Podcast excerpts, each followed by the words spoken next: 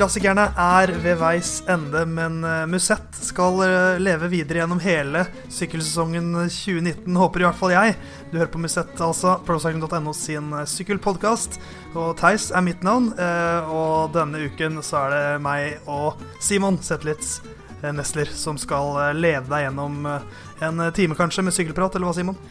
Ja, det blir vel eh, rundt der, tenker jeg. Det, vi har litt sånn variabel lengde på de podkastene våre, så det blir eh, Veien blir til sånn som i går, er ikke det det? Jo, det, jeg tror det er ca. det som er ordtaket. Eh, så vi skal eh, sveipe innom eh, mye forskjellig. Nå, nå, går vi jo mer og mer over i, eh, i etapperittsesongen, føler jeg. Men vi begynner med klassikerne og oppsummerer litt klassikersesongen 2019. Og vi kan jo avslutte eller starte med det som på mange måter avslutter den ordentlige klassikersesongen, nemlig Liège-Baston-Liège. Som Simon endte med endelig en stor klassikerseier til Jakob Folsang. Ja, endelig, endelig. Hans, uh, hans første seier i et endagsritt utenom en dansk nasjonal eh, tempo. Så det var en eh, stor eh, seier å få på den måten. Han har jo vist gjennom flere år at han har gode ferdigheter i sånne ritt. Alle husker jo andreplassen hans i OL for nå snart tre år siden. Han har jo levert bra i denne klassikeren mange år, så nå kjørte han jo Han har jo kjørt hele denne sesongen Han har kjørt veldig, veldig bra. Vært ekstremt god gjennom alle de tre av denne klassikerne og toppa jo det der. Toppa det med seieren i Liège på Stand Liège, hvor han vel rett og slett var den sterkeste. Var sånn god, sånn, den, den, eldste sykkeltaktikken som finnes. Bare vær den sterkeste og kjør fra alle andre. Så, så, ordner det seg. Det er lett å gjøre når du, når du er det. Det er, vel, ja, det er vel det som ofte er vanskelig med den taktikken. Det er, eh, det er ikke så mange som klarer å utføre den taktikken. Um, men det som jo da skjer, er at det kommer et ganske stort samlet uh, felt, egentlig, inn i uh, siste bakken.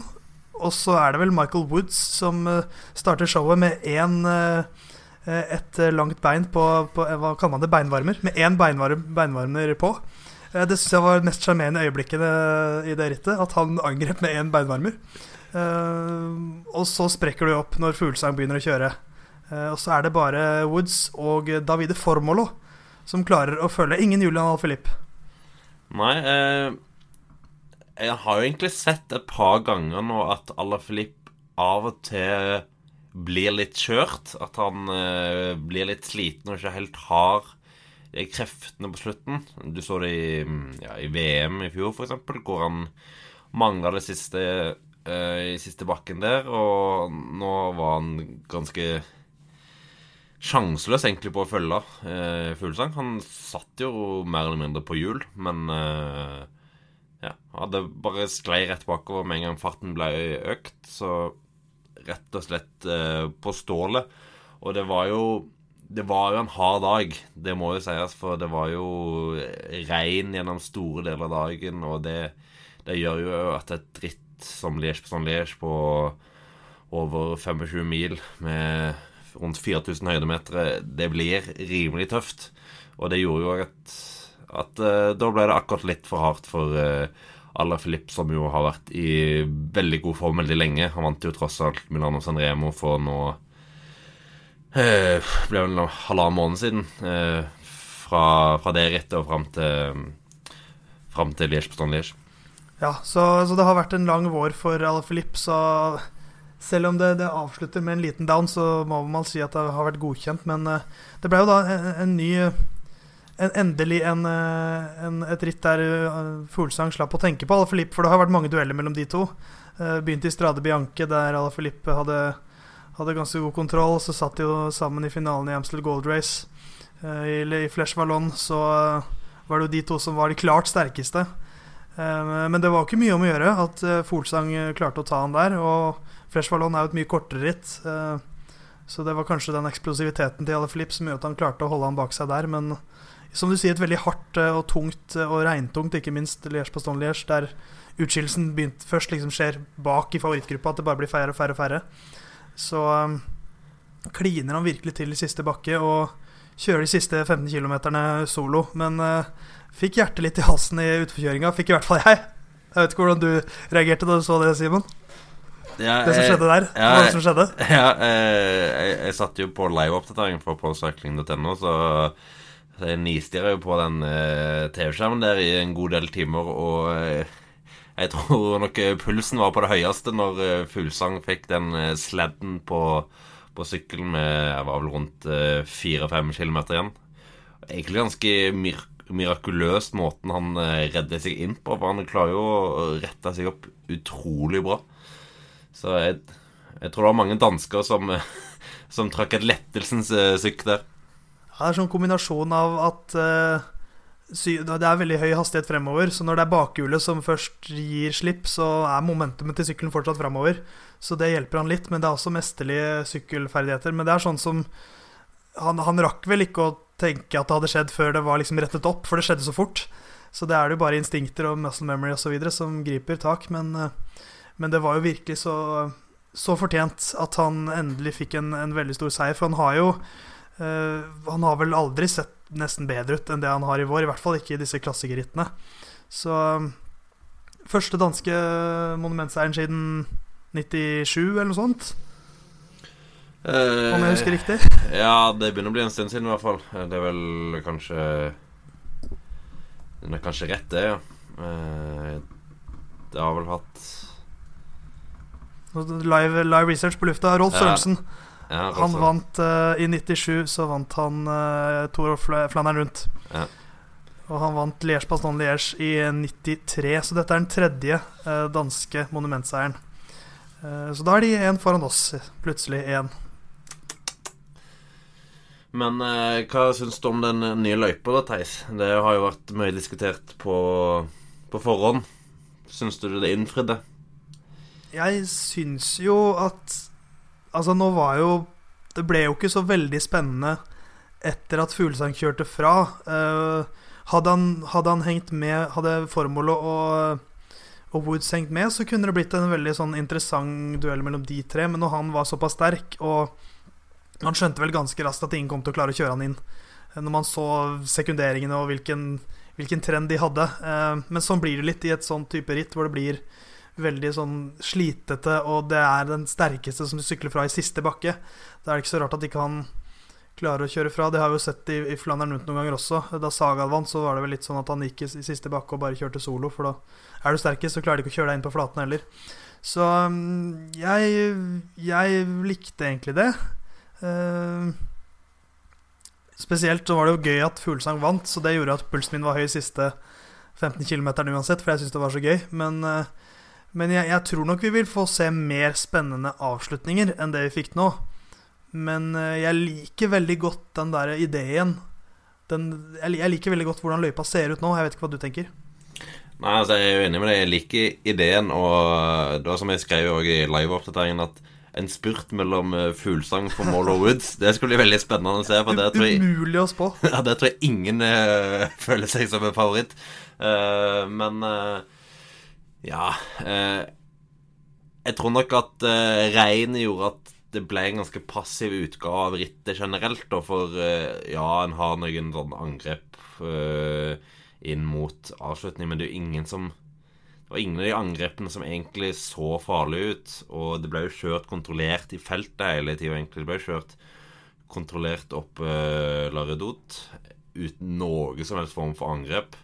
Uh, og Så da, da, kommer du egentlig til at alt skjer i siste bakke, og det er jo litt Litt kjedelig. Det er litt sånn uh, podshock. Det er jo bare at du ikke har et uh, Har en spurt mellom uh, 80 ryttere som kan skje i bakhånd. Så ingen fullklaff i år for, for arrangør, men jeg tror nok det på sikt kan være bedre. Men klart, en hadde jo håpet at Uh, Fuglesang, Alfalipp og co. skulle allerede, i hvert fall egentlig senest på Laredot, prøve seg på et eller annet, og at det ble kanskje bare 10-15 minutter som var i nærheten av å kjempe om seieren derfra inn. Men nå ble det jo egentlig 40 mann som kjempa om seieren inn til siste bakke. Det er jo litt Litt kjedelig uh, i et ritt som Liège-Bastogne-Liège, håper på masse angrep tidlig, men eh, ja, jeg tror det kommer bedre utgaver av den løypa. Eh, så jeg tror de bare, bare bør holde den i et par år til og så se hvordan det utvikler seg. Ja, fordi at eh, jeg har jo kritisert tidligere Liège-Paston-Liège for å være sånn Det avsluttes ikke før den siste slake motbakken inn til målstreken i hans. Og så var det jo de, de, tre som var først over siste bakke i uh, Liège i år. Da var jo to av dem nummer én og to. Så, og Michael Woods var jo ikke så langt fra podiet, han heller. Så, så jeg, har, jeg, har, veldig troa på at det kan bli, uh, bli en veldig fin utgave. Apropos podiet, vi må jo hedre bordet Hansgrohe. Uh, Davide Formolo, som virkelig har fått en uh, litt ny år, vant siste etappe i Volta Catalonia. Og Max Schackmann, som har vært helt enestående, blir nummer tre. Første podieplassering til dem begge i et monument. For noen det, det, det svinger i bordet for tiden. Ja, veldig. Eh, jeg skrev òg favorittipset vårt, eh, og da uh, ga én stjerne til Patrick Konrad. Og det sto mellom han og Formolo på hvem jeg skulle gi stjerne til. For de har begge vært i relativt bra form, og begge har kjørt bra tidligere. Men da valgte jeg, valgte jeg Konrad, og han kjørte for så bra. Han ble vel topp 15, han òg. Så et veldig bra lag de har uh, for øyeblikket. Uh, og det er jo litt sånn typisk at når du har et når du har tre-fire rytter som alle kan gjøre det bra, så, så, er det lettere å gjøre det bra òg, for da spiller en på hverandre, og da, da går det mye lettere i boks. Og et strålende rett for båra som fortsetter en veldig god trend. Vi har jo snakket om det tidligere. Eh, at Sagaen har jo tross alt bare vunnet én seier for de òg, men de har jo tatt ganske bra for seg av eh, av eh, rittserie òg, med Ackermann og Bennett og Sjakkmann og Formål og flere. Så de har en veldig bra sesong, sesong i gang nå. Som tidligere sagt, så er klassikersesongen den ordentlige klassikersesongen er over. Og Simon og jeg, vi skal oppsummere litt. velge oss noen høydepunkter. Eh, og måten vi gjør det på, er at vi har valgt oss ut tre høydepunkter, tre øyeblikk som vi husker veldig godt. Eh, ikke rangere de eller noe som helst, ikke de tre største, eller noe sånt. Bare tre øyeblikk som vi husker veldig godt. Eh, Simon, har du lyst til å begynne med din første utvalgte? Ja, jeg kan begynne med et jeg var til stede på og fikk se litt sjøl. Og det var eh, seieren til Kristoff i Gent Wevelgem. Som var en litt sånn gjenoppreisning for klassikerrytteren Alexander Kristoff eh, etter et eh, dårlig år i brosteinsklassikerne i fjor. Og han har jo alltid egentlig slitt med å få det helt ut i Gent Wevelgem, som jo på papir er kanskje den av brosteinsklassikerne som passer han best. Så og for Hadde noen veldig fine dager nede i, i Belgia der i forkant. Og jeg husker når jeg sto der på, på mållinja, så så jeg opp på en annen storskjerm som var på torget der. Eh, og så hører du samtidig spikeren eh, kommentere over, eh, over utover mål, målområdet, da. Og da Han var litt foran han spikeren, så det, ah. plutselig var det jeg, Kristoff, Kristoff, Kristoff, eh, før han hadde åpna spurten. Så jeg husker det var et eh, veldig et veldig morsomt øyeblikk eh, og en seier jeg Jeg syns da unna han å ta den seieren etter, etter han har slitt litt. Eh, I hvert fall spesielt i et ritt som Gent Wevelgem.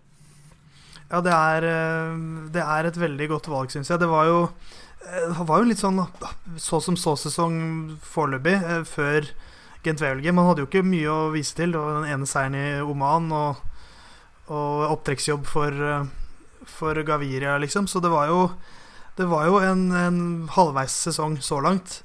Men det er jo den seieren der som kickstarter det som jo blir en veldig fin vårsesong for Kristoff. Hans beste vårsesong siden 2015. Så, eh, så, jeg husker det selv, at det var, det var eh, Og måten han sykler på i Han er på, han er i, på offensiven fram mot Kemmelberg og og viser at han fortsatt har spisskompetansen sin. Og det, bet, det betød så mye, ikke bare for han, men også for norsk sykkelsport. Så uh, veldig godt valg. Um, jeg kan jo ta min første. Som er en, eh, en dansk rytter som jeg er veldig veldig fan av. Og det er det mange som er. Eh, Cecilie Utrup Ludvig er jo ikke bare en fantastisk syklist, men også en, eh, en veldig sånn person som, og, en, og, en, stil som er veldig lett å like. Byr veldig på seg selv, og det er det ikke så mye av i sykkelsporten i dag. Så jeg tenkte at vi kunne faktisk høre en del av intervjuet hennes etter at hun ble nummer tre i Flandern rundt. Going full gas into the Coromon and then bam, let's put the hammer down. And then, you know, we tried and it was fun. Like, it was super much fun. And, you know, people screaming on the side, like, ah, you know, and, you know, you, you just feel that energy. You know, you just suck it all in and you're like, yeah, they're cheering for me. You know, not especially because they're cheering for me, but it was, it was super cool. Like, I just enjoyed that energy this race has. Like so many spectators. It's crazy. And you know, this finish line is just, oh, you can see it from far, far, far, and you just go and you're like, and then we look back, you know, and they were coming full gas from the back. And we were just like, ah, shit, shit, shit, shit, shit, shit, shit, you know, trying to, fuck, they can't go, they can't come, they can't come, oh, and then, yeah, I, I mean, I was a dead fish at the end. Så mer av det der, mer av uh, sånne intervjuer som det Cecilie Utrup Ludvig gir gang etter gang. Det skader ikke å vise at uh, det er et menneske på den sykkelen også. Uh, og det er mulig å kombinere det med å være en helt strålende syklist, sånn som hun er. Så det er mitt første valg. Simon, hva er ditt andre øyeblikk du ønsker å trekke fram?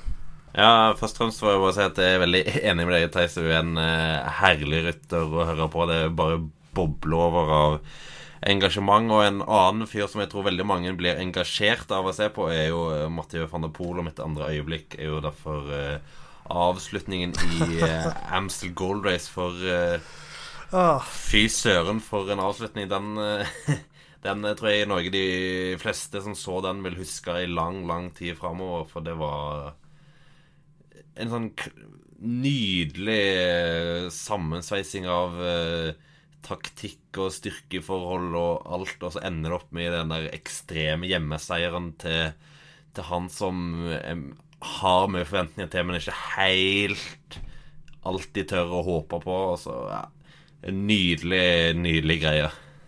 Det er, det er som du sier, det er, det er, så mye som smelter sammen der. Det er, det er på en måte alt det beste med sykkelsporten oppsummert i ett øyeblikk. For du har den taktiske kampen mellom Folsang og Alaphilippe. Det som skjer i sykkelsporten av og til, at det bare bryter sammen. Og du får helt andre utfall enn det man kunne hatt. Uh, og så er det et sånt hurtigtog av en nederlender som har den historien med de liksom familiære båndene til Raymond Polidor. Og liksom du, da får du trukket inn historiske aspekter også. Uh, og så har du en sånn Jeg syns også feiringen hans når han triller over målstreken, hvor han bare sånn rister på hodet. En sånn derre Hva skjedde nå? Det virker som han satt med samme følelsen som, som alle tilskuerne. Så hvis ikke vi hadde trukket fram den der, Simon, så tror jeg mange hadde reagert. For det er sånn som man aldri glemmer. Nei, jeg tror eh, som sagt eh, de som var og så den finalen der, kommer til å gjenfortelle den til eh, barn og barnebarn i noen år framover. Så no, noe som kanskje ikke vil bli husket like lenge, men som i hvert fall eh, huskes av meg, som er mitt andre øyeblikk, det er kanskje det øyeblikket i vår altså, Du kan droppe trening jeg har gjort selv og sånt, men det er kanskje der jeg hadde høyest puls gjennom hele våren. Og det er eh, noen få kilometer ned fra Cipressa under Milano San Remo. Um, og den utforkjøringen til Nicole og Bonifacio, som er jo en helt altså en veldig god syklist, god spurter, han har, men han har jo ikke vunnet uh, så veldig mye stort. Men akkurat det der, det var uh, noe for seg selv. Eller hva, Simon? Ja, det var jo en en total mangel på frykt. Det er vel det første jeg tenker. Det sjukeste er vel at han faktisk gikk ut dagen etterpå, eller to dager etterpå, og sa at det ikke var Strava kom engang.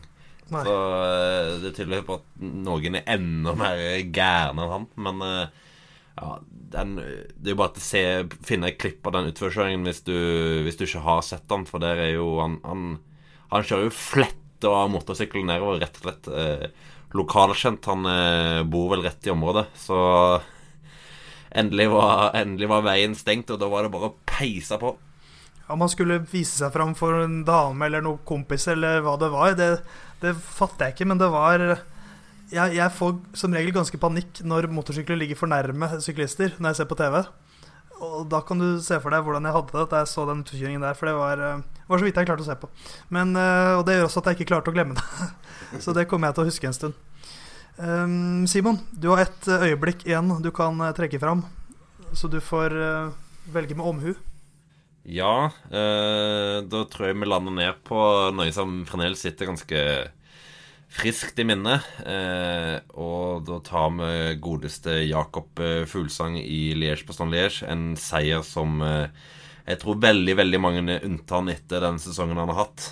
Så selve øyeblikket får jo bli den der sladden hans da når du får eh, livet i revy, omtrent. Eh, jeg tror må, jeg tror ikke, som som du, nevnte tidligere, jeg tror ikke han tenkte så mye akkurat der og da, men tankene etterpå Det skulle gjerne visst hvordan den tankeprosessen der var. Men uh, Nei, en uh, strålende rytter som fikk uh, krona en strålende vårsesong.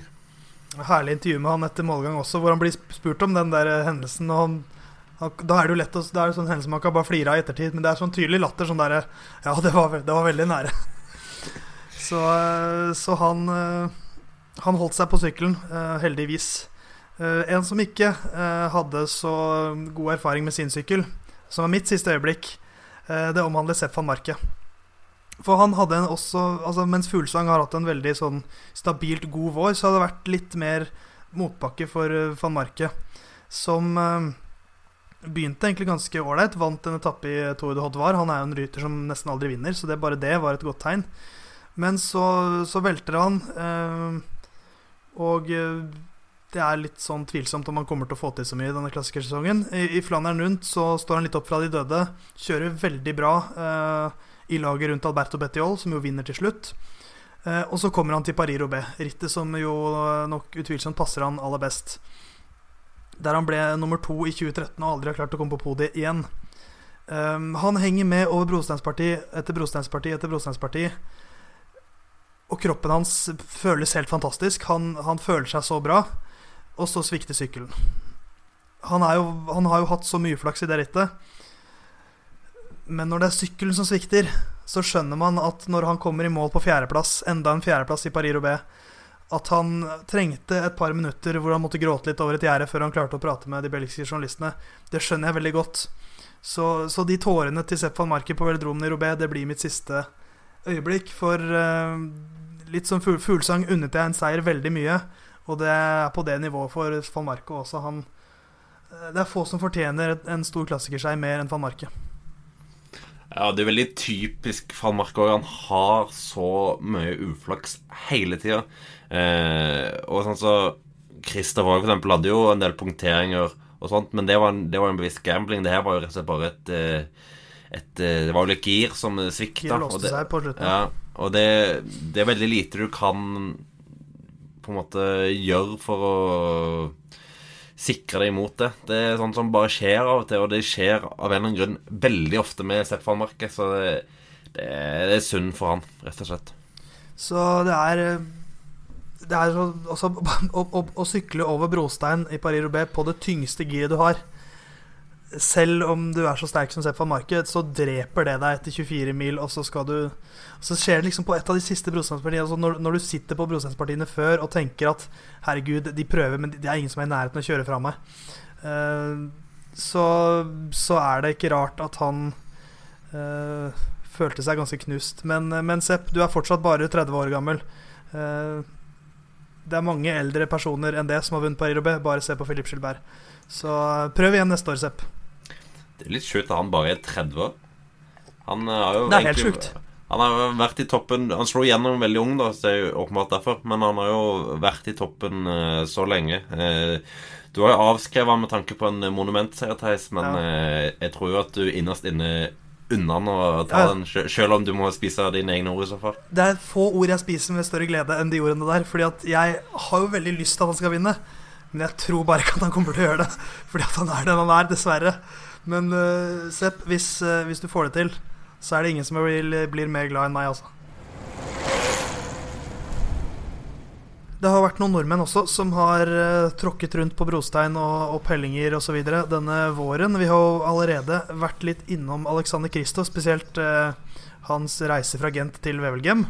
Det var høydepunktet i klassikervåren hans, Simon. Men det var samlet sett, som jeg sa i stad, altså, hans beste klassikersesong siden 2015, da han vant Flandern rundt. Ja, det er vel fort det. Uh, du kan sikkert uh, argumentere for at kanskje 20 Hva ble det 2016 eller sånt uh, var omtrent like bra. Men, uh, men sånn med tanke på at han får den seieren i Gent Wevelgem, så, så tror jeg vi må rangere det et hakk, et hakk over. En stødig og fin klassikersesong fra Kristoff som uh, vant spurten i feltet i, i Milan San Remo. Ble bare nummer 14, som jo hans dårligste resultat er på ja, siden han Sin første utgave? Ja. Da, han brøyt vel, eller ble langt bak på den første utgaven. Men det var ikke så mye annet han kunne gjøre med det. Så, så man, altså, når det blir det kjøret som det blir, så er det ute av hans kontroll. Så ja, så det var litt uh, sånn, sånn livet-type ting der. Men uh, viste prov på at spurten satt veldig bra. Uh, og riktignok ble E3 det er et ritt han aldri har gjort det bra i, men uh, det, ble det, heller, det ble det heller ikke. Men en 21.-plass er vel fremdeles det nest beste resultatet han har fra det rittet. Tapte faktisk spurten i feltet, men det det er en annen sak. Det er jo katastrofe for en mann av hans eh, karakteristikker. Eh, men eh, ja, var jo da suveren i eh, spurten i Gent Wevelgem, og så var han òg suveren i spurten i feltet i, i Flandern rundt og ble nummer tre der. Eh, Matheo Trentin mente at det var to av de beste spurtene han hadde sett hele de siste to årene, og det sier vel egentlig sitt om eh, nivået på de to spurtene der. Så Paris-Aubert ble en uh, nedtur En klassisk Kristoff? Ja, en klassisk Kristoff-nedtur med, med, punkteringer. Det var en gambling fra hans side, så det får han uh, Den får han ta sjøl. Uh, men alt i alt en, en veldig god klassikersesong. Og viser igjen at han er, den, han er den der store toppen vi har i Norge, ganske enkelt og greit. Han er vår spydspiss, og så viser han jo, som du sier, spurten sin. Får han virkelig vist denne klassikersesongen. Han, etter, etter, noen år hvor det har vært litt sånn stang ut, og toppene har på en måte ikke vært der helt i klassikersesongen, så, så herjer han jo i disse seige langspurtene nå. Uh, som du sier, helt rå i Gent Wevelgem, men også den spurten i Flandern rundt. Altså det er Uh, det er klart det var litt frustrerende når dette bruddet fikk gå, og Kasper Askren osv., men, men måten han, han, Hvis du ser den spurten fra, fra helikopterkamera Måten han bare sånn dytter bort Mathieu van der Poel med en liten skubbel og liksom, Disse klassikergutta blir bare herja med av en skikkelig uh, Skikkelig norsk uh, seig spurter. Uh, det, er, det, er, helt rått. Så han viser at han har fortsatt spisskompetansen sin. Og, og, gjør egentlig en strålende klassikersesong. Så han trengte det her. Spesielt når det er utgående kontrakt osv. også. Det gir han jo helt andre kort å forhandle med. Ja, det ble vel Han sa vel allerede nå til til vår uh, kjære kollega Jarle Fredriksvik i en sak som var ute her i forkant av Eschborn Frankfurt, at han har, det tilbudet han har fått fra UAE nå, er vel allerede litt høyere enn det han hadde da han signerte eh, før, eh, før 2018-sesongen. Så det tyder jo på at ja, laget er veldig bra fornøyd med det han har levert. da, for å si sånn. Ja, Han har jo levert strålende opptreff for Kaviria og viser at han fortsatt er blant de beste klassikerrytterne. At han er en som kan skaffe dem resultater der. Så det er klart de ønsker han videre, så får vi se om han blir. Um, en som vel også er på utgående kontrakt, uh, Edvald Baasson Hagen. Han skaffet seg vel ikke bedre forhandlingskort denne våren, vil jeg si.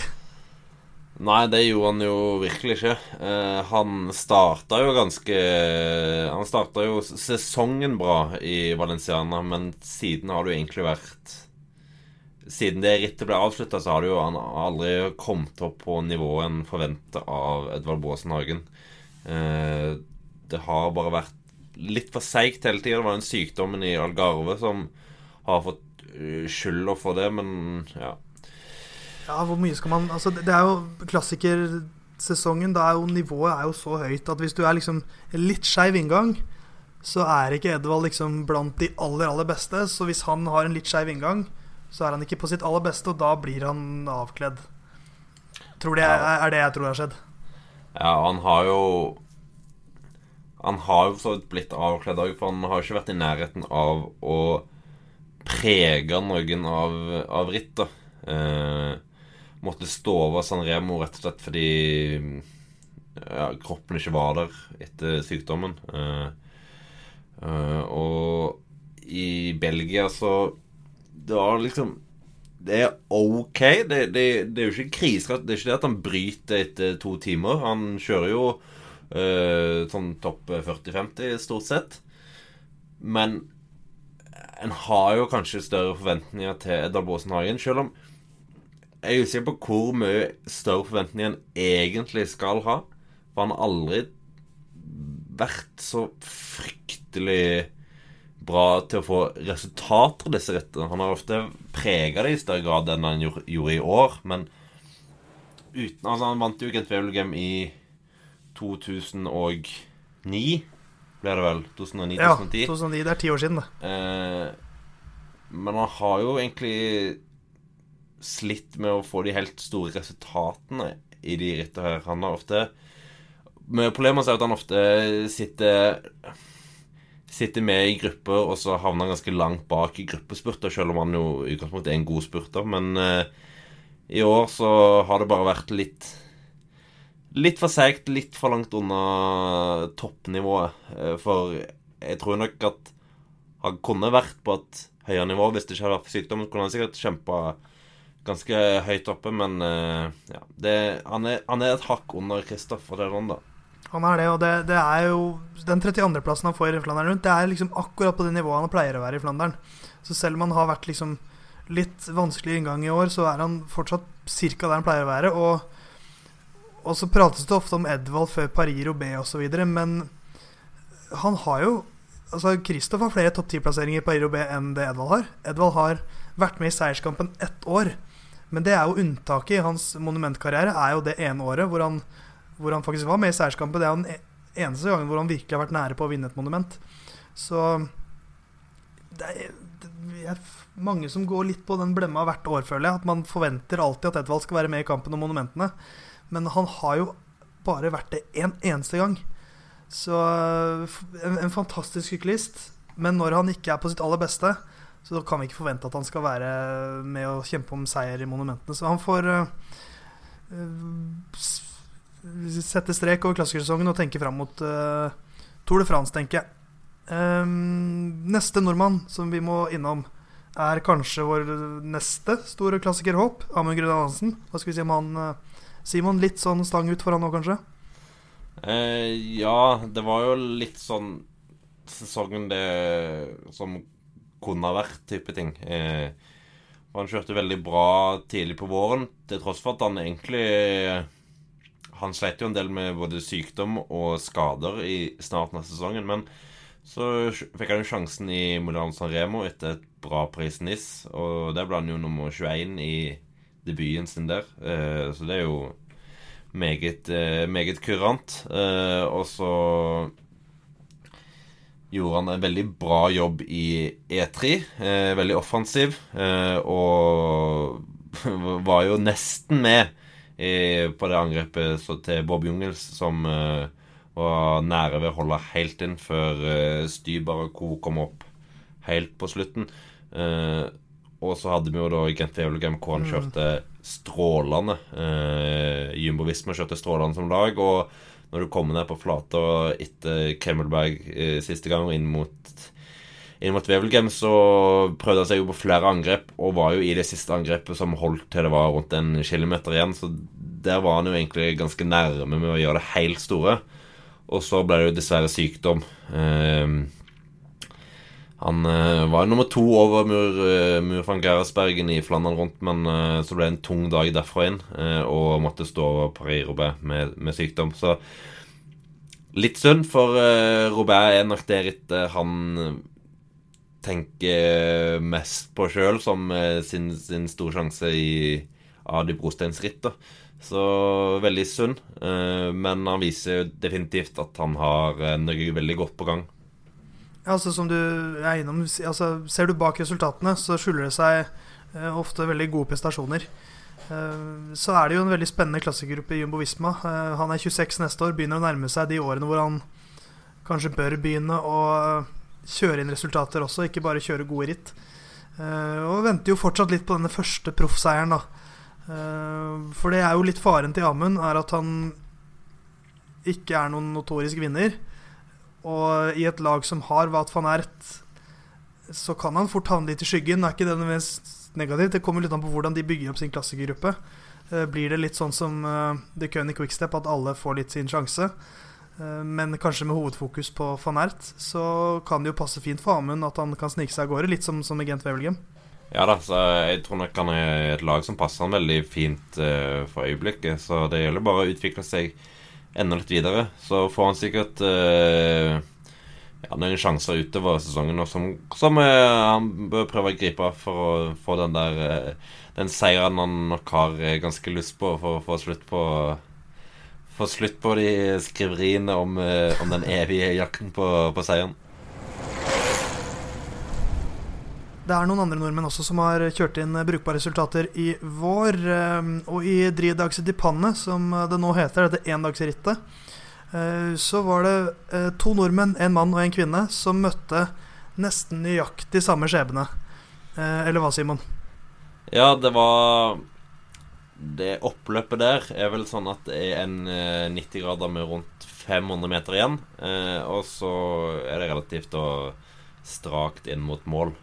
Uh, og både Susanne Andersen og Kristoffer Halvorsen satt mer eller mindre i uh, Satt vel i andre posisjon gjennom svingen med én lagkamerat uh, foran seg, og det skulle vise seg å bli én for lite for begge to.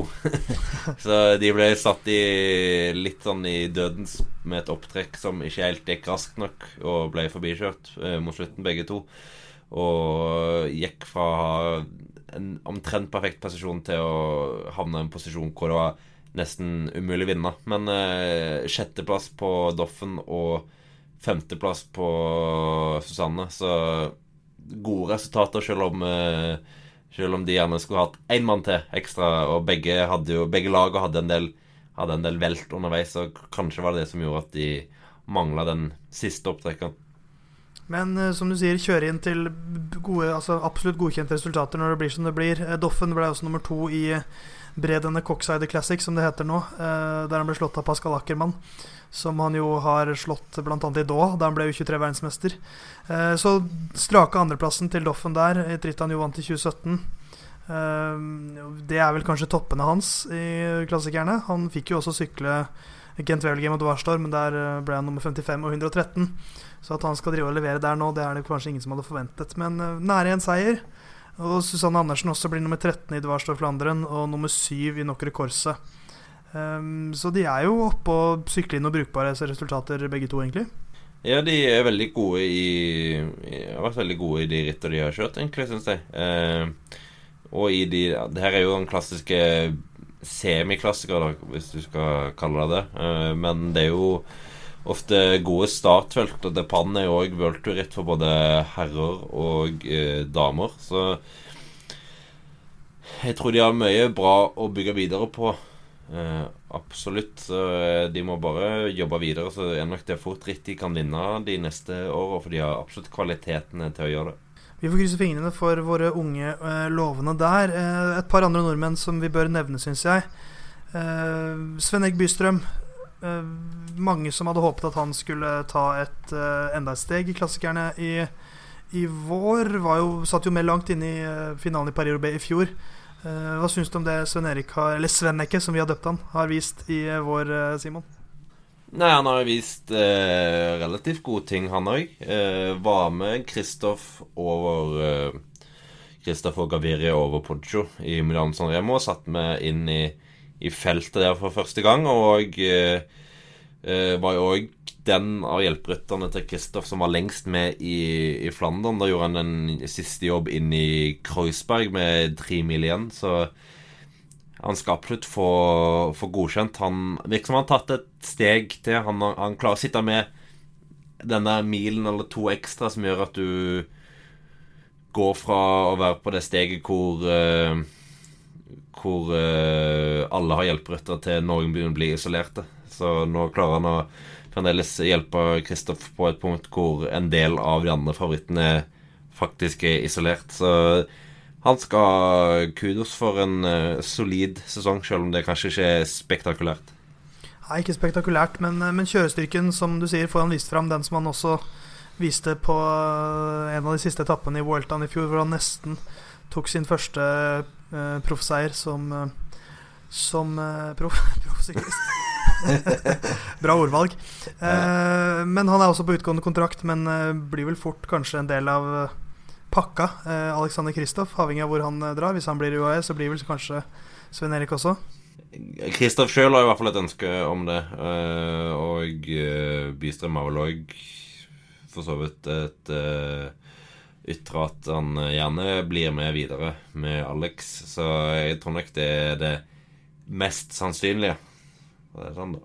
Sveipe innom uh, Odd Christian Eiking også. En uh, Det er jo hva skal man si eh, Ardenneruka, som er hans store høydepunkt på våren. Eh, også pollen, eh, dette plagsomme stoff Eller plagsomme sporene som svinger rundt i luften, sin eh, høydepunkt på våren også. Ofte samme uka der Odd Christian Eking håper å levere. Eh, så ble det selvfølgelig pollen-mareritt i Amstel Gold Race, men eh, reiser seg litt i Liège på sånn Liège, syns jeg. Ja, eh, ble nummer 37. Ikke noe sånn rått resultat i seg sjøl, det, men eh, det er jo hans eh, klart beste resultat der fra før. Han har jo kjørt rittet nå tre ganger, og eh, det var første gang han var inne blant de 50 beste. Så hang jo med inn i den siste Hang meg inn i den siste bakken, så da er det jo relativt relativt tett på, på nivået. Eh, og jeg eh, slår jo en del gode navn òg, når han eh, når han eh, kom inn der på 37.-plass, 3,5 minutter bak. Så jeg tror han skal si seg relativt godt fornøyd med det. Det er nok kanskje Det er nok vanskelig for han å måte, gjøre det helt store i Liège. Den er kanskje Flesh for London som er hans, hans store sjanse av de tre. Men eh, et, et godt ritt, får vi vel får vi se. Ja, den gamle Liège-løypa passet han vel bedre, det sa han jo selv også. Jeg pratet med han før, før Liège. Men han så den, det, Amstel ble veldig tungt for han. Eh, Pollenplagene satt virkelig i kroppen. Han merket det i Flesh Ballon. Jeg vil nok tro at en sånn, en sånn virkelig slitedag eh, som sitter i kroppen, så skal gjennom Flesh jeg, jeg, tror ikke han var jeg tror Hadde han vært uten de tunge dagene der før han kom til uh, Liège, så kunne han kanskje gjort det enda bedre. Men han er fortsatt bare 24 år gammel, det skal vi ikke glemme. Eh, og liksom fortsatt viser liksom progresjon i klassikerne år etter år. Så uh, tror jeg ikke det er så altfor lenge før vi kan begynne å snakke om at han kan kjempe om topp 10-plasseringer også. Det er jo det han har ambisjoner om selv òg. Og bare det uh, Det er viktig å ha hodet på rett plass også, så det har han nok utvilsomt. Men klart, altså Det er jo 50 stykker som har ambisjoner om topp 10 i Liège, og fem som har ambisjoner om å eller realistiske ambisjoner om å tenke at de sjøl er favoritt å vinne òg. Sikkert så Det er klart det er mange om beinet, så bare å være der Prøve å bygge stabilt på at du er topp 30-40, så, så, plutselig ser du topp 10 en dag. Altså, det, er jo litt, det er jo litt sånn det Det er det definitivt. Um, en siste vi har tenkt å nevne, Vita Heine. Uh, Hightech Products ikke gjort all verden ut av seg i klassikerne i vår. Men uh, Vita Heine avslutter veldig veldig bra, syns jeg. Blir nummer 18 i Flandern rundt. Og henger, henger jo med blant de aller beste inn i uh, de siste bakkene. Og det er en prestasjon i seg selv. Ja, high-tech har vært litt sånn opp og ned år. Uh, Heine og starta sesongen ganske bra, men så ble Gente Ølgang ganske dårlig pga. en uh, punktering, var det vel. Men i Flandern så kjørte jo veldig bra. Eh, og var veldig framtredende òg, egentlig, i feltet. Havna bare litt langt bak inn i Odde Kvarmont, som gjorde at hun ikke helt uh, havna litt bak i splitten, men nå samla det seg jo relativt greit uansett. Uh, og en spurt er jo ikke Vita Heinas, uh, Vita Heines store, store styrke, så det ble ikke noe sånn topp-topp, men det vitner jo om at om at du fremdeles har muligheten til å kjøre en veldig gode resultater etter et fjorår som var ganske mye stang ut for hennes del. Da legger vi de skikkelige klassikerne bak oss. Uh, men vi skal fortsatt prate om et endagsritt, i hvert fall. Eschborn Frankfurt uh, er jo et World Tour-ritt. Alexander Kristoff vant de fire foregående utgavene. Men i år ble det bare en tredjeplass bak Pascal Ackermann og John Degenkolb. Uh, satt vel i en litt dårlig posisjon inn på siste kilometer. Jeg så dette på mobilen, så jeg er litt usikker. Men slik jeg så det, så satt Kristoff litt langt bak, og så jobbet han seg fram før spurten startet, og lå i god posisjon før spurten. Men uh, hadde ikke helt kreftene, eller kanskje spisse nok albuer på oppløpet, eller hva, uh, Simon? Ja, i denne krampetrekningen av en uh, fortsettelse på en Eller avslutning av en klassikersesong, så har jo Kristoff gjort det veldig bra tidligere, som du nevner. han hadde vel Rui Oliveira og Bystem rundt seg til det var sånn to-tre kilometer igjen, eh, og derfor var han Derfor innom han ganske alene.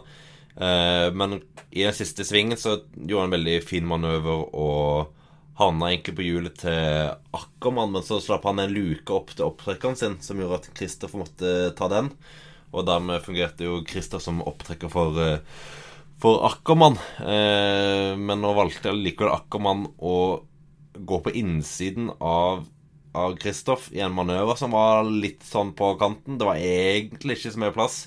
Uh, og komme litt sånn bakfra med skuldrene inn inn i ryggen. Så hvis Kristoff hadde vært skikkelig, skikkelig tøff, så hadde han uh, låst den og mer eller mindre gjort at Akkermann hadde velta, for det var ikke plass til begge to. Og Kristoff var foran, men han var snill og og ga plass. Og det samme gjorde Shimoliner og Akkermann igjen med havna på innsida. Så litt heldig Akkermann der kunne, kunne vært deplassert. Eh, men Kristoff eh, hadde uansett ikke beina til å, til å ta han, og nok heller ikke eh, heller Degenkolb sleit litt med kramper på slutten, sa han til, til TV 2 etter målgang. Så ingen fullklart for meg. Altså, en tredjeplass er jo selvfølgelig et veldig bra resultat i en i en uh, World Tour-klassiker. ja, og det er eh, da, da, Pascal Ackermann satt med til finalen, så var det litt sånn i mitt hode i hvert fall at ok, da blir det med litt vanskeligere. Hvis man ser på, på podiet de siste årene hvor Kristoff har vunnet, så har det vært litt Det har ikke vært en, en, Pascal Ackermann der. I fjor var det Michael Matthews og Oliver Nasen. Året før så var det jo Rick Sabelwell som trakk opp, og så ble det en luke, og så ble John Degenkolb nummer tre. Så slo han Richese i 2016 og Degenkolb da i i 2014. Eh, så Pascal Ackermann eh, anno 2019 er jo en lynrask mann som også hadde mange ryttere med seg i finalen. Uh, og så er det vel ingen som har så lyst til å deplassere den tyske mesteren i Tyskland. Uh, du skal være ganske tøff for å gjøre det, i hvert fall. Så det, det får være som du er. Altså, altså, har du bedre bein, så tør du kanskje å være litt tøffere i situasjonen også, for da har du overskudd til det. Men, men det, det, fortsetter bare. Det, det, oppsummerer på en måte en veldig fin sesong for Kristoff uh, så langt. At en, han står på podiet i to store klassikere, altså Flandern og Eschborg Frankfurt, og så vinner han Gent Wevelgem. Så uh, selv om det ikke ble fem på rad, så er fire på rad og så en tredjeplass. Det er ganske bra, det òg. Ja, og, og, det var jo et sjeldent stort felt som, som, kom inn. Det handler jo litt om at uh, distansen var kortere en del ned, til under 200 km, og at det var strålende vær. Eh, det gjør det alltid eh, lettere. Da er det mange som sitter med gode bein på slutten. Men eh, i den all rettferdighetens navn så var jo Kristoff ganske langt bak over den Han kommer ikke på navnet, men den, den bratte bakken de kjører over fire ganger. Både Ackermann og Degenkolb var ganske mye lenger framme siste gangen over. Og Kristoff har jo òg kjørt av den nest siste gangen over, vel. så jeg tror Kristoff fikk det han var god for, for å si det ganske enkelt. Og så er det, så. Ikke, ja, så er det ikke så rart eh, heller at Ackermann føler er litt uh, Hva skal man si uh, En formkurve som peker oppover. Han skal jo sykle Giro d'Italia. Så mens, mens Kristoff er på en måte ferdig med en formtopp og på vei ned til en litt sånn treningsfase uten ritt, så er jo Ackermann på vei opp til hans første Grand Tour. Så det er ikke rart hvis han begynner å finne formen nå. Det er veldig lovende for han òg, at han får denne bekreftelsen før Giro d'Italia. For jeg tror dette er siste rittet hans før uh, Giroen, som vel starter om neste, neste lørdag. Så, så, blir han å regne med i spurtene der, virker det som. Ja da, det blir han jo garantert. Så Alltid godt med en eh, seier på hjemmebane, du. Uh, men en god norsk. En relativt god norsk dag ellers òg. Uh, ingen ja, For alle 14.-plass på Båsen Hagen i det spurtfeltet er jo ikke akkurat spektakulært, men uh, relativt OK. Og så syns jeg både Bystrøm og, og Starke Laringen gjør en god jobb for Kristoff. Spesielt Bystrøm var jo ganske flink til å være med i første gruppe, gjerne når det kom noen angrep. Eh, og sånn sett markerte litt for Kristoff sin del, så jeg syns Bystrøm igjen kjørte, kjørte bra. Og så gjelder det bare å bli enda litt eh, vassere i den spurten for uh, Båsenhagen. Som jeg nevnte tidligere, så uh, føler jeg at det er nå uh, etapperittsesongen virkelig begynner. Uh, med Tour de Romandie som leder opp til Giro d'Italia. Så kommer uh, Tour of California og Dauphiné og Sveits rundt, og Tour de France osv. Uh, Tour de Romandie er som sagt i gang. Det begynte i går, som er 30. Uh, april, når vi spiller inn. For vi spiller inn på onsdag 1. mai, på arbeidernes uh, dag. Uh, Ritte ser du på Eurosport, som vi har et redaksjonelt samarbeid med i procycling.no. Og første etappe, eller prologen, skal jeg vel kanskje si, ble vunnet av Jan Tratnik. Litt overraskende seier kanskje foran Primoz Roglic, dobbelt slovensk seier. Tomboli ble nummer tre, like bak eh, Roglic.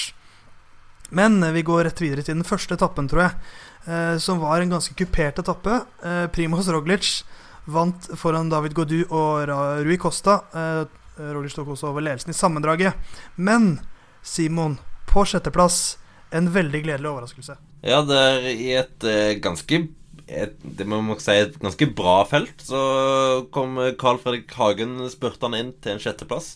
Var da med i en gruppe på 20 ryttere som, eh, som kom inn 50 sekunder foran neste gruppe. Og der satt jo da, ja, som nevnte, Roglic og Gaudu og Costa. Michael Woods og Spilak og Buchmann og Gunn Thomas, Steven Kreuzweig og Ilno Sakaren. Så det er jo det er en klassegruppe, for å si det ganske enkelt. Her er noen av de beste klatrerne i verden, og der sitter Carl Fredrik Hagen og spurte samme bra òg. Så det var, det var veldig morsomt å se på. Ja, for det, den, han spurte jo faktisk bra også. Det er det som er nesten det mest gledelige. For det var jo, det var jo en veldig sånn rullende etappe hvor det var mye Det var vel var det fire eller fem kategoriserte stigninger. Uh, og det var jo et stykke fra den siste til mål. Så uh, bare det å henge med Det var 50 sekunder til neste gruppa, så det var ganske store avstander. Og nå er han plutselig oppe på, på topp 20 i sammendraget også. Etter, etter, en vår som egentlig begynte ålreit. Han var brukbart med i Tour Under, var veldig bra i Algarve, hvor han ble nummer 16. Uh, veltet i Strade Bianche. Sleit med, med, det og skulle få muligheten til å kjøre for seg selv i Tyrkia rundt. dro ned til Tyrkia, var gira. Våknet på første dagen med oppkast og hadde fått magevirus. Eh, men så er det tydelig, tydelig på at formen eh, er ganske intakt i Romandie. Ja, det, det, var litt som jeg satte deg her før vi gikk på sending. Eh, litt sånn tenk hvis type ting om man hadde unnsluppet den sykdommen i Tyrkia. Da hadde han jo fort vært å kjempe topp fem, topp tre. For av de rytterne som havna topp fire i Tyrkia, så kjører alle alle i Romandie, og det var jo kun Groschartner som vant rittet, som var med i den gruppa til, til Carl Fredrik Hagen inn. Så han hadde jo fort kunnet kjempe veldig høyt oppe der. Så veldig synd det, for det hadde jo vært strålende på han å kunne ha slå i bordet med en topp fem i et worldtour-etapperett, selvfølgelig, men eh, er veldig fint for han å se at han til tross for en del utur denne våren fremdeles er på i veldig god form. Uh, og det er jo lov å håpe på at det kan, uh, kan bli mer uh, god action videre fra den kanten de neste dagene. Hvis du ser på det laget som Lotto Sodal har med, så er det ingen Caleb Ewan. De har med Victor Campenertz, fordi det er jo to tempoetapper som jo han elsker. Men så ellers så er det Thomas de Gent og Adam Blythe, som kanskje kan prøve seg hvis det samles i en spurt. Men, men, hvis vi ser på resten av rittet Den andre etappen, som da er på torsdag, da, når denne episoden kommer ut, så tror vi vel at det blir kanskje mer en spurtetappe. så følger det litt sånn krevende, ganske sånn etapper som kan passe Carl Fredrik ganske bra de to neste dagene, før det er en eh, 17 km lang tempo i Genéve som avslutter det. Så den tempoen setter vel kanskje en liten stopper for den absolutte topplasseringen. Men at han kan vise seg fram her, eh, og kanskje ende blant de 20 beste i sammendraget, eh, det er vel realistisk, tenker jeg. Ja, altså selvsagt, når han sitter i en gruppe eh, med 20 av de beste i dag, så er det jo realistisk å tro at han kan være blant de 20 beste på de neste klatretappene òg. Det er som sagt, som du sa, Theis en, To ganske fine kuberte etapper på etappe tre og fire. Det er vel den etappe fire som har den tøffeste avslutningen, med en bakke på 10 km på 6,5% opp til mål Eh, der. Eh, og så den tredje etappen òg er relativt kupert gjennom hele dagen. Litt sånn som den, eh, den dagens etappe, da. Altså den første etappen som òg var mye opp og ned. Så det er, litt sånn klassisk sliteritt, og det, det liker jo Karl Fredrik Hagen godt. Vi begynner å nærme oss slutten, men vi skal over i spaltene våre først. Eh, den norske sykkeluka eh, er eh, den første vi begynner med. Og Norgescupen er i gang. Første runde gikk i Levanger. Der det ble seier til Stine Borgli hos damene foran Ingvild Gåsken og Ingrid Mo. Mens hos gutta så var det dominans. Idar Andersen vant foran Markus Holgaard og Kristoffer skjerping. Tredobbelt Uno X, Simon. Ikke alle som er så fornøyd med det. Nei, det har vært litt sånn uh, SoMe Eller Twitter, egentlig Jeg vet ikke om vi skal kalle det clinch, men en del Debatt. Nei, debatt. En debatt, ja. Uh, en debatt med en del uh, morsomme stikk òg innimellom. Uh, mellom en del kontiryttere i Norge. både fra Joker og UnoX og, og Coop. Og det går jo på at Uno X stilte med ni mann, og det var vesentlig mer enn både Joker og Coop gjorde. Og ja, de andre lagene var jo ikke helt fornøyd med måten Uno kjørte på. De mente at de var litt defensive når de kom seg med i brudd. at de ikke da ville være med å kjøre så mye fordi de hadde så mange bak. og Ser en på resultatet, så er det jo uten tvil at UnoX lyktes jo veldig godt med den taktikken de hadde. Så de må jo ha De skal jo ha all mulig honnør for å For å få topp tre. Det, det, er ikke lett, det, sjøl med overtall. Så eh, jeg tror UnoX er selvfølgelig veldig fornøyd med, med et godt resultat, og det å kjøre ritt for å få resultat er jo òg veldig viktig. Og så forstår jeg òg at de andre lagene er litt sånn irritert når, eh, når du har eh, et lag med, med så mange ryttere, og så mange gode ryttere som eh, da tilsynelatende Jeg har jo ikke sett rittet sjøl, men tilsynelatende eh, kjører med en eh, kjørestil som gjør at eh, det blir mye start-stopp, og at det ikke blir en skikkelig gang på rittet. Så jeg forstår jo at de selvfølgelig skulle ønske at, uh, at det ble et uh, mindre taktisk ritt. Men ja. Jeg forstår begge sider, men jeg vet ikke helt om om uh, Jeg vet ikke hvem som har rett på det sånn, da. Nei, det er vel sikkert et sted imellom.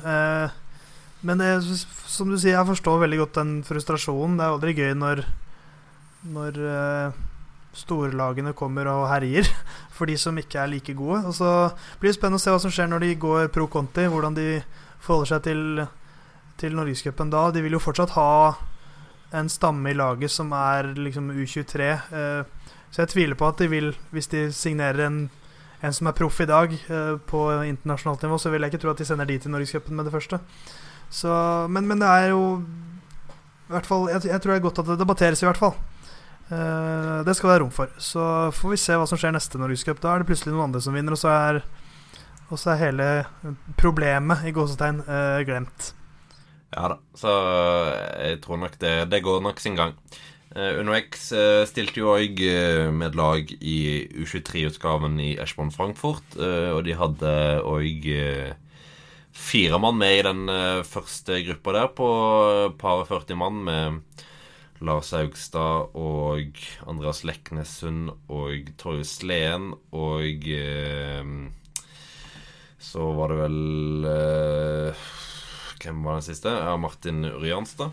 Uh, hvor Saugstad ble beste på en 15.-plass. Uh, uh, ja, litt av mangel på, på spurtere er vel egentlig det enkle svaret på hvorfor det ikke ble noe bedre enn en 15.-plass. Men ja, i hvert fall fire ryttere med i en uh, tetgruppe, så det får være relativt godkjent. Solid levert. Joker, Fuel of Norway, hadde et av sine høydepunkt også, nå sammen med Tour de Normandie. Så er Tour de Bretagne et uh, veldig viktig ritt for dem. Uh, det ble avsluttet i dag, uh, eh, 1. mai. Det resultatmessig kanskje ikke så veldig mye å rope hurra for. To topp ti-resultater fikk de, med Herman Dahl på den andre etappen og Ludvig Asplund Holstad på den tredje. Spurtene har blitt dominert av Alberto Dainese fra Seg-laget. Han vant tre etapper med ganske god margin, alle sammen. Eh, Lorenzo Mancet vant rittet sammenlagt. Han er jo eh, proff i Vital Konsept, så det er jo et veldig bra startfelt der.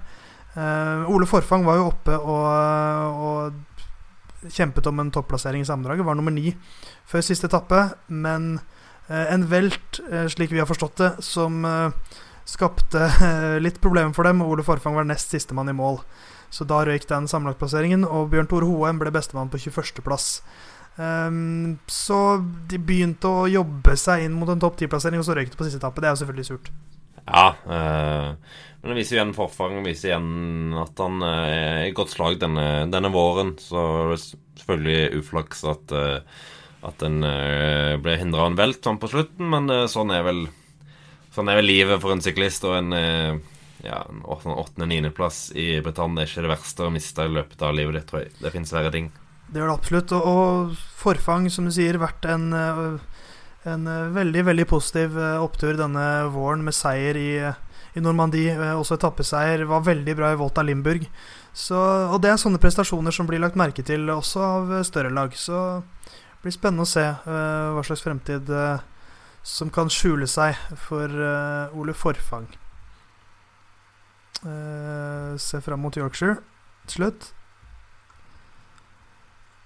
Så kan vi også nevne at uh, Tour de Yorkshire nærmer seg. Starter jo på torsdag når denne episoden slippes. Uh, går over uh, fire dager. Sendes på Aerosport med tre nordmenn på startstreken. Rasmus Fossum Tiller, Christer Hagen og Sindre Lunke. For henholdsvis Dimension Data og de to siste for rivalet Readiness. har vi noen store forventninger til dem, Simon, eller blir det hjelpehyttejobbing for Mark Cavendish og Alexander Kamp, kanskje? Eh, nei, det ble vel sistnevnte. Eh, det ble nok fort det, ja. Eh, Lunke Hagen kan nok ha relativt frie roller all den tid ingen forventer noe av eh, av rival. Det er ingen som venter at de skal kjøre i et felt i, i 15 mil, men eh, nok relativt eh, hjelperytterroller, ja. Kamp har jo sett veldig bra ut denne våren, så han er en, en rytter som kan gjøre det bra for, for rival. Kvinnenes eh, Tour de Yorkshire går også på Eurosport. Der har vi noen norske bidrag. Susanne Andersen eh, sykler for Team Sunweb eh, i et lag som ikke har Corin Rivera med seg, så det kan jo hende at hun får noen sjanser der. Eh, og Hightech Products sykler også der med Ingvild Gåsien, Vita Heine og Ingrid Lorvik i hvert fall på et foreløpig laguttak. Da er det tid eh, for de to siste spaltene i denne podkasten. Det skal dele ut eh, både slakt og hyllest. Og vi begynner med slakten, og altså da Lanterne Rouge, Theis. Det gjør vi. Eh, vi skal dele ut litt, litt, slakt. Det passer seg av og til, det òg. Eh, og tradisjoner er ikke til for å brytes, de er til for å holdes, faktisk. Eh, og sykkelsporten er jo en eh, til tider litt gammeldags eh, idrett tar det tid å forandre seg, og da gjør det alltid litt vondt å se at eh, det har skjedd en forandring som du ikke ville at skulle skje. For i Liège Paston Liège så er et klassisk vårtegn at eh, opp Côte Saint Nicolas så er det en eh, gærning som løper langs rytterne. Ved den gamle målgangen så var jo dette da ca. 5-6 km før målstreken. For som når fuglene kommer hjem fra sør, så eh, var dette et sikkert vårtegn. Eh, han løp langs rytterne, eh, alltid med litt sånn forskjellig rare kostymer på seg. I 2013 så hadde han en slags tanktop med en litt sånn skotsk skjørt. Og en veldig spesiell ha blond hanekam. I 2015 løp han i en sånn gangster-pelsjakke med en liten baby, som jeg kanskje mistenker skulle være Donald Trump, i armene sine. Eh, I 2016 var håret mye kortere, eh, og han løp i en litt sånn Borat-aktig nesten badedrakt. Eh, og i eh, 2017 så løp han i en rosa genser med veldig langt flagrete hår, litt sånn 80-tallsinspirert kanskje. Men i år så, så var han ikke der. Og hva skal vi gjøre da, Simon? Nei, Det er bare til å slakte arrangøren for å eh, endre rute, og sånn at vi ikke får St. Nicolas. For eh, denne mannen har vi lyst til å se. han er vårens høydepunkt for min del. Så eh, da er det egentlig, egentlig slakta av da. Selv om vi har vært ganske positive til løypeendringen, så må de, de må gi han en, en, en rolle. Kan ikke han løpe opp Laredot eller noe sånt, da? Eh, han er jo en attraksjon som de bør dyrke. Så få tilbake denne eksentriske mannen. Eh, få han til å Vanligvis litt irriterende når eh, folk løper ved siden av syklistene, men når man gjør det med stil, da må det bevares. Så han får, slakt, eh, han får ikke slakt, han får hyllest, men ASO får slakt for å ikke ta vare på tradisjonene sine. Eh, Men Simon, vi skal avslutte med en eh, ekte hyllest. Ja, og den går til en, eh, en rytter som eh, eh, Når han stiller på startstreken, så vet du aldri hvor du har han, og det er godeste Carlos Betancour, eller Kor, eh, ble det kanskje den mer korrekte uttalelsen. Eh, og han har begynt å sett ganske bra ut da, i siste tida.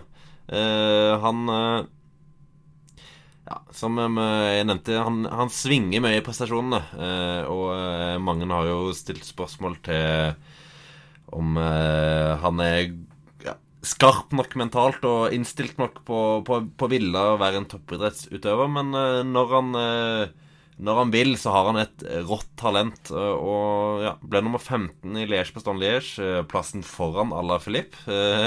Og i Tour de Romandie så åpna han med en råsterk prolog med en åttendeplass.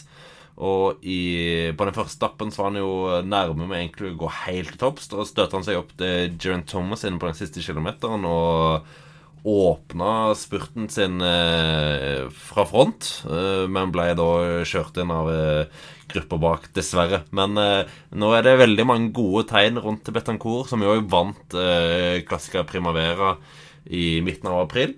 Eh, skal sannsynligvis kjøre Giro d'Italia. Kanskje er det lov til å håpe på å se han eh, noe i nærheten av femteplassen hans fra 2013 i den eh, store 2013-sesongen hans. Ja, lille Bananito. eh, Han, eh, han er jo en fanfavoritt blant mange. Han var jo, som du sier, enorm. De, de sesongene hans i Arge var jo helt strålende. Eh, Ble nummer fem i Giroen og var vel topp fem i både Flesh Wallon og Liège. Så vant han jo Paris-Nice i 2014. Så um, han var ekstremt god der en stund, og så har det bare vært helt natta. en ganske lang stund. Så hvis han reiser seg igjen, så er det bare morsomt, det. Ja, det, det morsomme er jo at han viser det glimt og hele tida. Alltid én eller to ganger hver sesong hvor du tenker at nå er han på gang igjen. Nå er han på gang igjen. Men han, altså, han, er, han er 29 år, blir 30 i høst, så han har fremdeles eh, mange år foran seg på, på sykkelen. Så heia, heia Betancourt. Da er ukens podkast ved veis ende. Musett eh, regner jeg med er tilbake igjen neste uke, Simon. Ja, vi er vel det. Uh, mye å se, se fram til da. Da er det jo Giro d'Italia-start rett rundt hjørnet, så da må vi jo være godt på plass. Krysser fingrene for det. Uh, vi, vi som holder på med denne podkasten, vi eh, er veldig glad i å se at vi stiger på lister. Vi liker ikke bare at nordmenn gjør det bra på resultatlister, men også at vi gjør det bra på iTunes-lister. Så vi setter veldig stor pris på hvis du som hører på, gidder å gå inn på iTunes, slenge inn en liten rangering. Gjerne skriv en kommentar. Eh, og så må du selvfølgelig abonnere og laste oss ned. Så abonner, last ned og ranger. Og eh, da er det bare å takke for følget gjennom klassikersesongen. Bli også med oss gjennom eh, den fantastiske etapperittsesongen som kommer nå. Det er mye å glede seg til, Simon. Ja, nå er det bare å glede seg, for nå skjer det mye. eh, Og det er jo alltid En har jo for all del mange etapperitt eh, nå på våren òg. En, en glemmer det litt fordi en alltid tenker så mye på, på brostein og uh, av denne klassikeren og sånt, men vi har jo mye etapperitt. Men nå begynner jo de treukersrittene òg, og det er jo alltid Alltid like herlig. Da har du tre uker med sykling eh, på TV gjennomgående dag til dag, så det er jo bare til å glede seg. Det er en egen magi som kommer med disse Grand Tourene, og vi i Musett skal dele all denne magien med deg. Så vi takker for oss, Simon, gjør vi ikke det? Og så snakkes vi snart. Yes, det gjør vi. Ha det bra.